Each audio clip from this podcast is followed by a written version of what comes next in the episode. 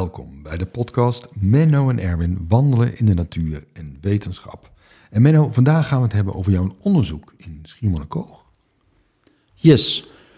Ja, het Schiermonnikoog heeft voor mij een, uh, daarom dus ook een bijzondere betekenis, omdat uh, dat ik er een aantal seizoenen echt gewerkt heb in, gewerkt heb in het veld. Het was, uh, om maar duidelijk te maken, nooit mijn, direct mijn eigen onderzoek. Ik deed mee aan het onderzoek van anderen. Mm -hmm.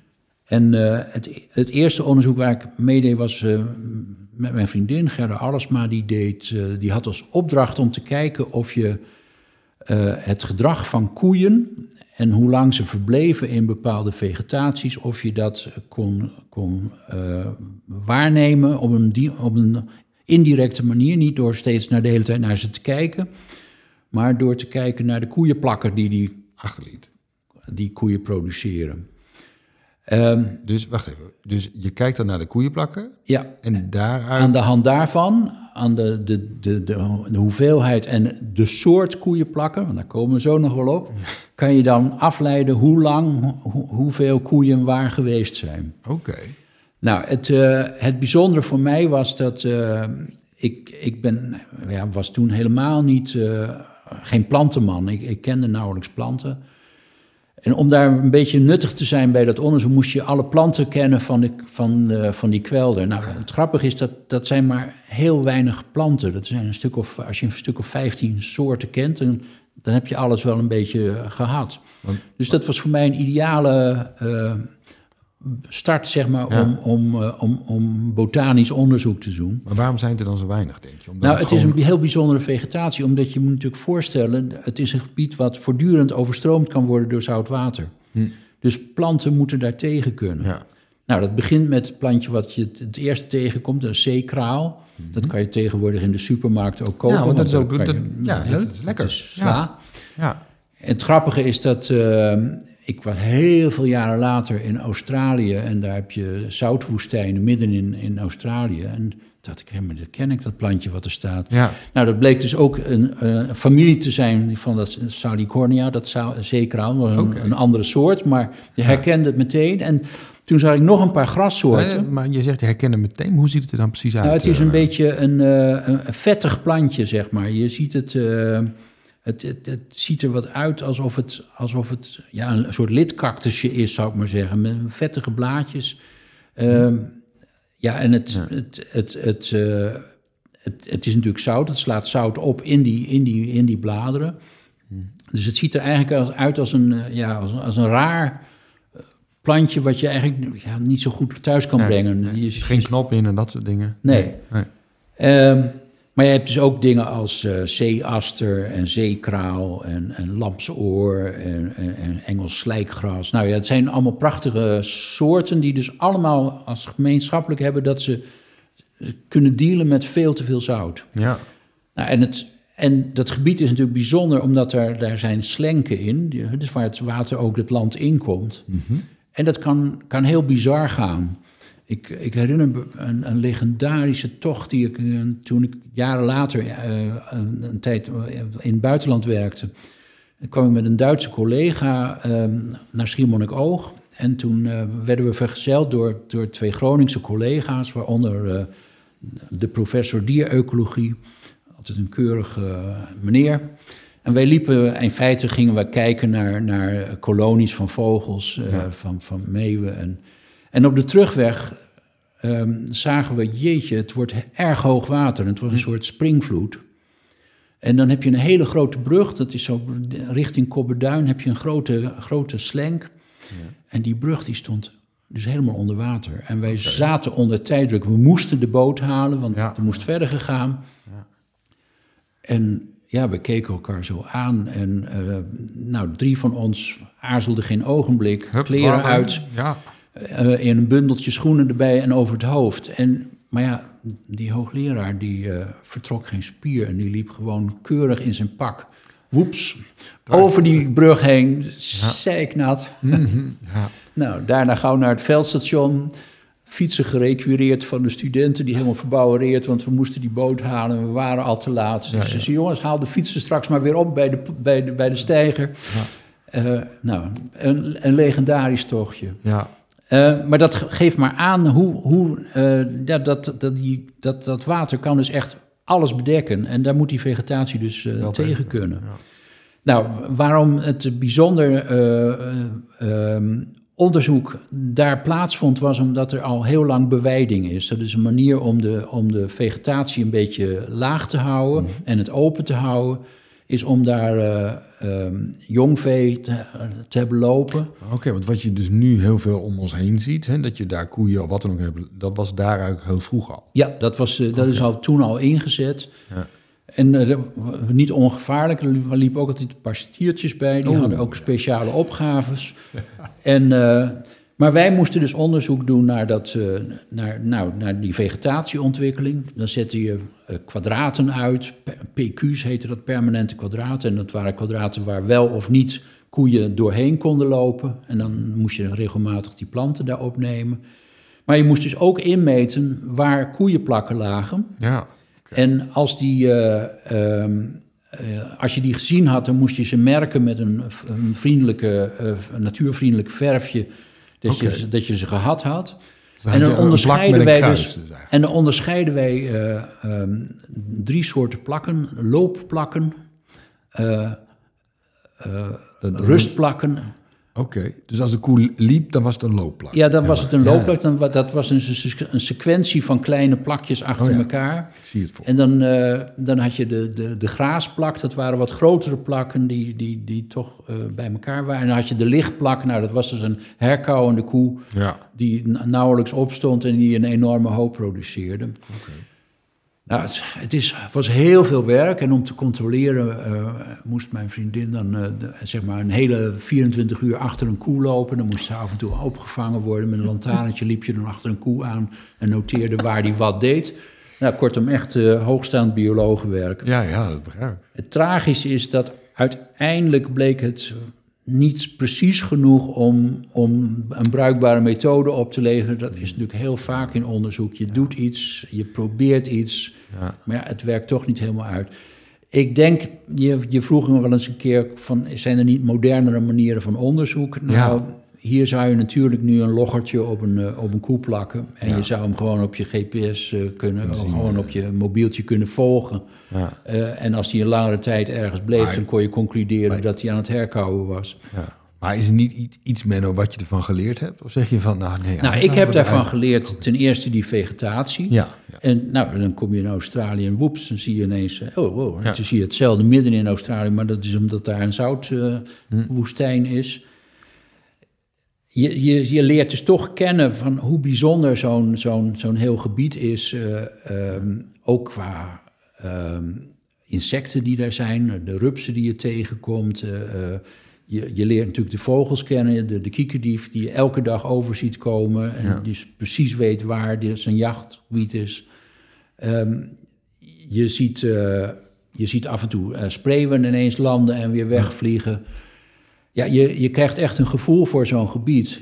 Um, je, ik heb wat minder gevoel voor de koeien gekregen. Want eerlijk gezegd was je altijd licht panisch aan het kijken waar die stiertjes nou weer waren. Ja, ja. Want die waren niet helemaal ongevaarlijk. Nee. Um, ja, en, en ik was natuurlijk uh, in, in dit geval gewoon een domme kracht. Ik werd ingehuurd om, uh, ja. om lijntjes uit te zetten en om braaf aantekeningen te maken. En, uh, het was wel mijn eerste echte kennismaking met veldwerk. En ik moet toegeven dat ik dat wel leuk begon te vinden. Van jeetje, dat, dat, is toch wel iets om ook in weer en wind daar altijd te zijn. Ja. Want je had ook nog een ander onderzoek, dat was over spreeuwen. Ja, dat ging over, uh, dat was het onderzoek van Joost Timbergen.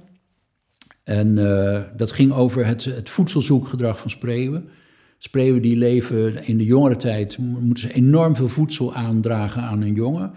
Dat werd altijd gefilmd met camera's. Dat was toen heel, uh, heel modern. Je had een fotocelletje en het klikte als er een speel binnenkwam... en dan zag je in zijn snavel wat hij had. Ja. Uh, en dat waren of eemelten, dat zijn de larven van langpootmuggen. En die leven in het grasland, dus in, de, in, de, in die bankspolder, in die, in die, in die weilanden. Ja. Het zijn typische knagertjes van graswortels, gehaat door boeren. Um, en dat is goedkoop voedsel, heel, uh, nogal een beetje nattig. Um, en de du het dure voer, dat, uh, dat waren de rupsen uit de kwelder. Maar daarvoor moest de spreeuw dus heel lang vliegen. Die moest Ja. dus echt, eh, die was wel zeven minuten onderweg. Hm. Voordat hij met één rups terugkwam. Terwijl die e-mail, die kon hij veel sneller pakken. Nou, dan ging het erom, dat was het kern van het onderzoek van Joost Timbergen. Waar een prachtige film trouwens van gemaakt is door zijn broer Thijs Timbergen, Spreeuwenwerk. Eh, Over die afweging van hoeveel e-mailten moet ik geven en hoeveel rupsen. Ja. Een beetje afhankelijk van hoe hongerig de jongen zijn. Om het dieet goed te Ja. laten zijn. Het goede. En wat ik gedaan heb, is een deelonderzoek voor wat Joost eh, later ook kon gebruiken in zijn, eh, in zijn proefschrift uiteindelijk. Dat was om te zien hoe, dat, hoe makkelijk spreeuwen nou die e-melten uit zo'n grasvegetatie konden krijgen. En hoeveel van de e-melten die erin zaten eigenlijk eh, opgehaald werden. Nou, de, de grap is dat we hadden halftamme spreeuwen. Die, die gewend waren aan mensen, die, eh, die waren, leefden in kooien die we konden verplaatsen. We gingen dan in het weiland, zetten we een eh, schuiltentje op en zetten een bak uit, ehm, aansluitend aan, aan de kooi van de spreeuwen. En dat was dan een, zeg maar, een grasstrook van zeg maar, twee meter breed en 10 centimeter, twee meter lang en 10 centimeter breed. En die spreeuw werd dan losgelaten en ging in die grasmat naar e-mail te zoeken. Ja. En de grap was dan dat eh, de eerste spreeuw ging daarin en die had en het criterium was dan eh, hij moet eh, drie e-mailten binnen, binnen vijf minuten hebben of zoiets. Die eerste spreeuw die had binnen de kortste keren had hij die, die drie e-mailten te pakken. Nou, dan werd hij weer vriendelijk naar zijn kooi geleid en dan kwam nummer spreeuw nummer twee. En die had dan behoorlijk veel moeite om in die vijf minuten één e-mail te, tevoorschijn te halen. Oké. En daarna kwam de derde spreeuw. En die lukte het helemaal niet meer. Oh, dus ze waren al weg. Of ze waren Ze waren al weg of, zo. ja. Of waren er niet meer, het was op. Ja. Nou ja, daarna kwam dus het harde werk. Dat deden we alleen tijdens cursus als er heel veel hulpstudenten aanwezig waren. Dan groeven we die hele, die hele grasmat van 2 meter en bij 10 centimeter, die werd uitgegraven. Werd meegenomen naar het, eh, naar het eh, veldstation. En daarna werd met de hand werd het alles uitgezocht. En dan bleek dat er nog tientallen e-melten aanwezig waren in die plag. Maar die zaten allemaal naar beneden. Ah. En wat, er dus, eh, wat we konden reconstrueren, wat er gebeurt, zo'n spreeuw spert met zijn snavel de vegetatie open.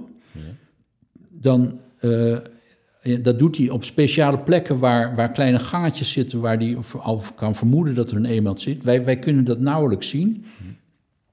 En zo gauw die dan iets van een, eh, eh, zo'n e-meld, bij wijze van spreken, speurt, voelt, ruikt, weten we niet precies, dan gaat hij wroeten.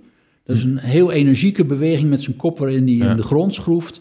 En dan heeft hij dus, ja, dat is verbijsterend om te zien. Joost heeft het ook prachtig laten filmen in die film Spreeuwenwerk. Dan heeft hij binnen seconden heeft hij zo'n e-mail te pakken. Terwijl als je dat zelf probeert, dan ben je dus tien minuten bezig en dan heb je met grootste moeite één e-mail gevonden. Ja. Het is verbijsterend wat die spreeuwen daar kunnen. Hoe efficiënt ze zijn. Ja, Maar ze, maar wat ze door die activiteit jagen ze dus in principe die e-mailten naar beneden. Dus wat wij dan zeggen is dat de, de beschikbaarheid van de, van de hoeveelheid e-mailten is dus eh, veel kleiner dan het totale aantal. ja.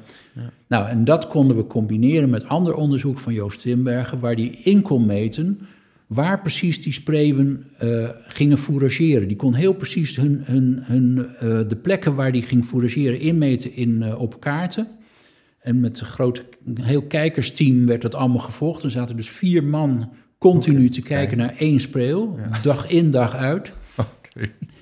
En wat je dan zag is dat die spreeuwen dus eh, precies één bepaald pad volgden. En de tweede keer dat ze kwamen, gingen ze daar net even voorbij, aan langs. Dus ze zaten nooit op dezelfde plek. Ze wisten precies waar ze geweest waren en gingen dan de volgende fourageertocht net even daarnaast.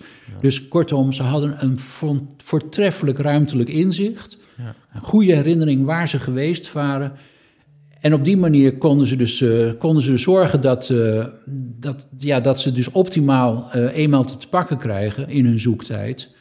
Ehm, en ja, als je je dat allemaal realiseert, dan krijg je wel heel veel respect voor zo'n vogel die zo'n ongelooflijk goed ruimtelijk geheugen heeft, zo'n goed timen kan. Ja, want we zien, wat ik natuurlijk prachtig in de natuur vind, zijn die zwermen Ja. van, van spreeuwen. Dat is toch ook speciaal bij spreeuwen eigenlijk zo? Ja, Dat is iets... uh, kan ik dat dan koppelen aan dat 3D-inzicht? En, en... Nou ja, in ieder geval moeten ze een... een, een, een dat is dan echt 3D, want ja. dit, is, dit, is, dus dit is fourageren is in feite ja. vlak. Mm -hmm.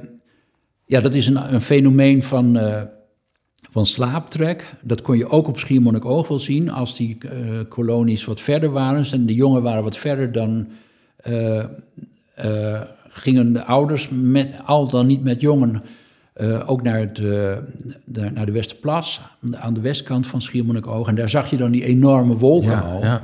Nou, die wolken kennen wij hier in Groningen bijvoorbeeld rond het Zuidlaardermeer. Ja. Daar kan je, dat, en dat zijn honderdduizenden spreeuwen die je kan zien op. Prachtig. Ja, dat is een fenomeen. Um, daar wordt nog steeds heel veel onderzoek gedaan, omdat we het niet goed begrijpen. Wat is, wat is precies de wetmatigheid? Hoe kan het dat die spreeuwen in zo'n enorme vlok zo ontzettend behendig kunnen vliegen? Ja.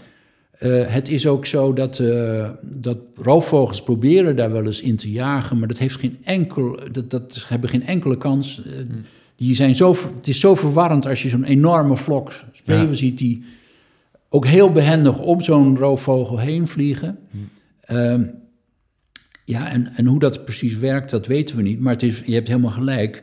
Dat betekent dus dat ook hun ruimtelijke ja, uh, reactiepatroon is, ja. is ongelooflijk goed. Ja. Het heeft iets met, uh, met, met de nabijheid van de, van de buur. Om, om afstand, de, de, afstand tot de buurvogel moet je natuurlijk precies rekening mee houden. Er zijn allerlei soort modellen die ook wel toepas van toepassing zijn bij vissen. Ik, ik, zit eigenlijk een beetje van, moet ik nou de dood doen of vragen ook stellen, Menno? Wat hebben we nou in dit onderzoek gehad? Of, uh, of, nou, of, of, wat je eraan hebt, dat zijn in feite een aantal dingen. Ten eerste uh, uh, begin je te begrijpen wat er eigenlijk voor nodig is voor vogels om zo'n broedseizoen met hun jongen door te komen. Dus wat voor uh, omstandigheden heb je nodig dat die vogels dat werkelijk met succes hun jongen groot kunnen brengen. Okay. In dit geval betekent dat voor die spreeuwen dat het niet alleen weilanden zijn, maar dat het ook uh, uh, gevarieerdere vegetatie is waar die rupsen, die kwaliteitsprooien in zitten. Als je beesten namelijk alleen maar e-mail te gaan geven, dan gaan de jongen krijgen een hele dunne poep en dat is voldoende om het nest te doen mislukten. Want normaal gesproken verwijdert de oudervogel verwijdert de mest. Die zit in een soort zakjes. Je kan die uit het nest vliegen. Ja. En dan blijft het nest schoon en droog. Mhm. Voert hij te veel e-melten, dan, dan vernat zo'n nest. Ja, dan gaat in principe de hele zaak dood. Ja. Je weet dus veel meer over uh, wat er nodig is aan, uh, aan, aan omstandigheden, aan vegetatie, aan, aan prooidieren. Maar je weet dus ook bijvoorbeeld dat het niet alleen het aantal prooidieren uh, belangrijk is, maar ook, maar ook hoe de structuur van de, van de grond is. Ja. Kunnen die prooidieren wegvluchten of niet? Je begint kortom een, een systeem te begrijpen. En ja, voor de over, waarom zijn dan uh, die vogels belangrijk? Nou, er is uh, een beroemd en berucht gebeuren in China geweest waar Mao uitgevonden had dat vogels te veel uh, graan zouden eten en stelen. En er is toen een belachelijke campagne geweest waar dus vogels moesten gewoon afgeschoten worden. Oké. Okay. Het gevolg, dat is massaal is dat gebeurd. En het gevolg daarvan is dat er enorme insectenplagen kwamen. Want we realiseren ja. ons niet hoeveel insecten er gegeten worden door vogels in de broedtijd met name. Ja. En verzameld worden. Je ziet die spreeuwen ook met, met, met snavels vol met allerlei insecten, vliegende insecten die ze hm. ook nog bij, erbij pakken. Dat zijn gigantische aantallen. En ja. wij zouden echt uh, uh, nou, een ellendige toekomst tegemoet gaan zonder vogels. Ja, want dan, ja... Als ik mag kiezen, liever vogels dan, dan wat insecten, Menno, dat klopt. Nou ja, die insecten heb je ook weer, die zijn ook weer nodig in het ja. systeem. Maar het, het, kortom, je begint te begrijpen hoe zo'n heel systeem in elkaar zit. En uh, ja, zonder die, zonder die kennis zou je hele rare maatregelen nemen die, die, die vogels in hun voortbestaan bedreigen. Je zou het natuurlijk systeem uh, kapot maken. In principe wat er op dit moment uh, in behoorlijk wat landbouwgebieden gebeurt, daar is het beleid zo eenzijdig op efficiëntie van productie. Ja, dat is biologisch gezien haast dood. Ja.